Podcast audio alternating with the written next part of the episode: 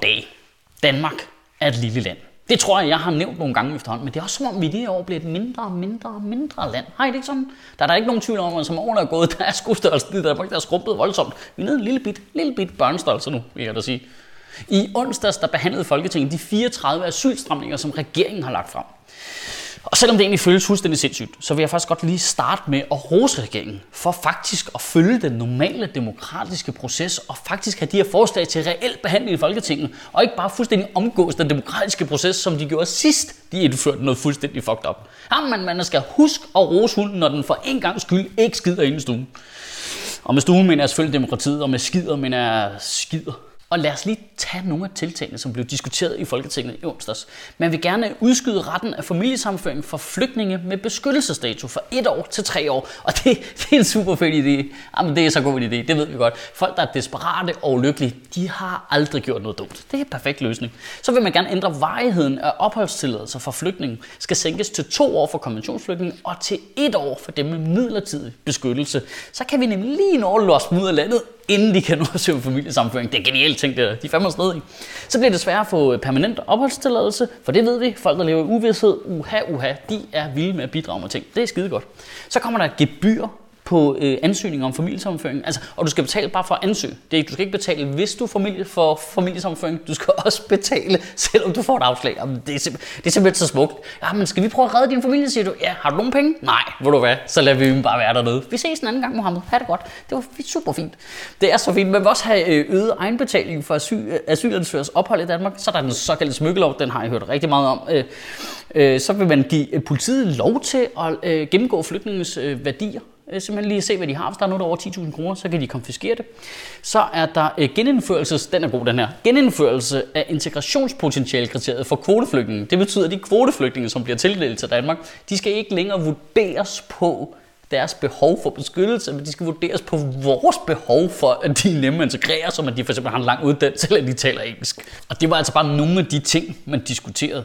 Men nu siger jeg lige, der er noget galt her. Nu har vi så længe skulle høre på det der argument for strammerne om, at det er uretfærdigt, at vi hjælper flygtninge, der kommer her, fordi det er kun de ressourcestærke mennesker i Mellemøsten, der har råd til at flygte herop. Men så laver man regler, hvor vi kun vil tage folk ind, der er højt uddannet eller taler engelsk, kun de ressourcestærke. Hvad, blev der af, at du var uretfærdigt at hjælpe de ressourcestærke, men sætter gebyrer på familiesamføringsansøgninger og på permanent opholdstilladelsesansøgninger. What the fuck? Det er igen kun de velstillede. Nu siger jeg lige noget. Altså, at Venstre er i gang med at lave regler, hvor vi sørger for kun at tage folk ind, der måske potentielt vil stemme på Venstre i Folketinget. De sidder bare og tænker, ah, arbejder, dem skal vi kræfte med ikke have nogen. Nej, de melder sig sgu ind i en fagforening og stemmer på SF fuck af. Altså egenbetaling af asylophold og gebyr på familiesamføringsansøgninger, det, er, altså, det er en menneskeret. Det ved jeg godt ikke, det er gebyr på en menneskerettighed. Helvede, altså nu har vi gået rundt i så lang tid og været sure på de der menneskesmuglere. Ej, hvor er de bare tavlige. Så tager de bare penge for stakkels flygtninge, der flygter fra krig. Det er simpelthen så uretfærdigt. For så er der ikke nogen penge tilbage til os. I. Ej, det kan jeg da godt se. Altså, ej, må tage penge for transport. Super usympatisk. Tag penge for husly. Mm, mega sympatisk. Det er super fint. Nu må vi altså til at bestemme os. Og så hele det der lorte smykkeforslag. Prøv, jeg ved godt, jeg sprang den over, først da det lige kom op i medierne. Men det er fordi, jeg troede ikke, det ville overleve 14 sekunder. Det er det mest retarderede, nogen har hørt om. At tage de sidste ejendele for folk, der har flygtet fra huset hjem. Jeg er altså ligeglad med, om det er en kuffer fyldt med diamanter. Hvad fanden blev der en privat ejendomsret, mand? Hallo, Venstre, nu må I vågne op. Og så giver det heller ikke nogen mening. Vi vil kun tage flygtninge, hvis de hurtigst muligt kan klare sig selv. Hov, hvad er det, du har? En pose fyldt med penge, der gør, at du hurtigst muligt kan klare dig selv? Den så vi. What? What, man? Prøv, lad os nu bare antage, at der kommer nogle flygtninge, som har her mange penge med. Lad os nu antage vi det bare. Hvad er det så, I tror, de vil bruge de penge til? De vil jo bruge de penge på at starte et nyt liv her, mand. Og det betyder at gå ud og købe nye ting, og tage IKEA og købe en madras og købe bestik. Vi behøver slet ikke at tage deres penge. De kommer for at give dem til os. Prøv nu er jeg ked af at være rigtig tavlig, men flygtninge med mange penge er da væsentligt bedre for økonomien end samf- i samfundet, end fucking sønderjyder er. For de der flygtninge, de tør altså ikke tage ned på den anden side af grænsen og købe noget som helst. Men nu er jeg selvfølgelig også dum, fordi det jeg gør er, at jeg sidder og leder efter logik i lovforslag, der slet ikke er lavet med det formål at være logisk eller konsekvent eller give mening på nogen måde. Fordi de lovforslag er kun lavet med et eneste formål, nemlig at skræmme flygtninge til at tage til andre lande end Danmark. Det er hele paradigmet i regeringens flygtningepolitik. Vi skal sende et klart signal til flygtninge om, at de skal tage et andet sted hen. Og hvis vi lige sådan til at starte med bare ignorerer det fuldstændig usympatiske i at skræmme folk, der i forvejen er skræmte endnu mere. Altså at prøve at genne dem rundt i Europa, som om det er en flok får så prøv bare lige at tænke over, hvor usolidarisk det er med vores europæiske naboer. Vi, vi er simpelthen de dårligste naboer i verden. Åh, men det er simpelthen så problematisk med alt det regnvand, der rammer lige ned i min have, så jeg har bygget en kæmpe stor sliske, så alt regnvandet bare løber ned i naboens have. Problem solved. Øh, nej pikrod. Og så igen bare hele ideen om overhovedet at kunne skræmme nogen, der flygter fra Mellemøsten og Daesh's vanvid. Så er vi jo helt konkret nødt til at gøre værre ting, end de kommer fra. Og så er jeg egentlig ligeglad med, om de kommer fra Syrien eller fra Nordafrika, eller hvor fuck de kommer fra. Så skal vi jo gøre det endnu værre her. Så er vi nødt til at finde Søren Pinds gamle valgplakater frem igen. Dem der, hvor han står med en kopperhat på vej ud af et fly, og så stille dem nede ved grænsen og sige, sådan her ser vores justitsminister ud. Bør I ikke lige overveje det her en gang til? Eller bare lave en regel, der siger, hvis du skal bo i vores land, så skal du starte med en rustur på CBS så bliver det selvfølgelig lidt svært at stå bagefter og være heldig og sige, hey, hør lige her kammerat, i det her land, der respekterer vi faktisk kvinders grænser. Okay, må jeg lige sige noget i forhold til de der øh, flygtninge om Nordjylland, der har været super ubehagelige over for kvinder i natlivet? Det må jeg godt, for det er mit program. Okay, hold kæft, den natur.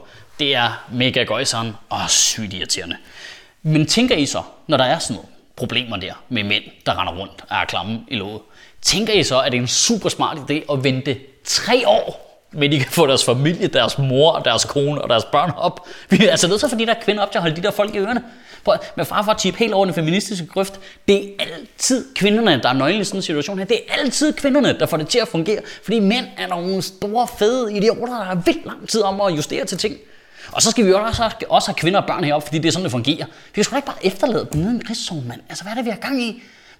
Så for, for omvendt Titanic. Hvad, øh, kvinder og børn, kan de komme sidst i redningsbåden? Hvad med tre år efter skibet er sunket? Altså, det er simpelthen så latterligt. Vi, prøv, vi er i gang med at sænke skibet Danmark med et iskoldt hjerte jo.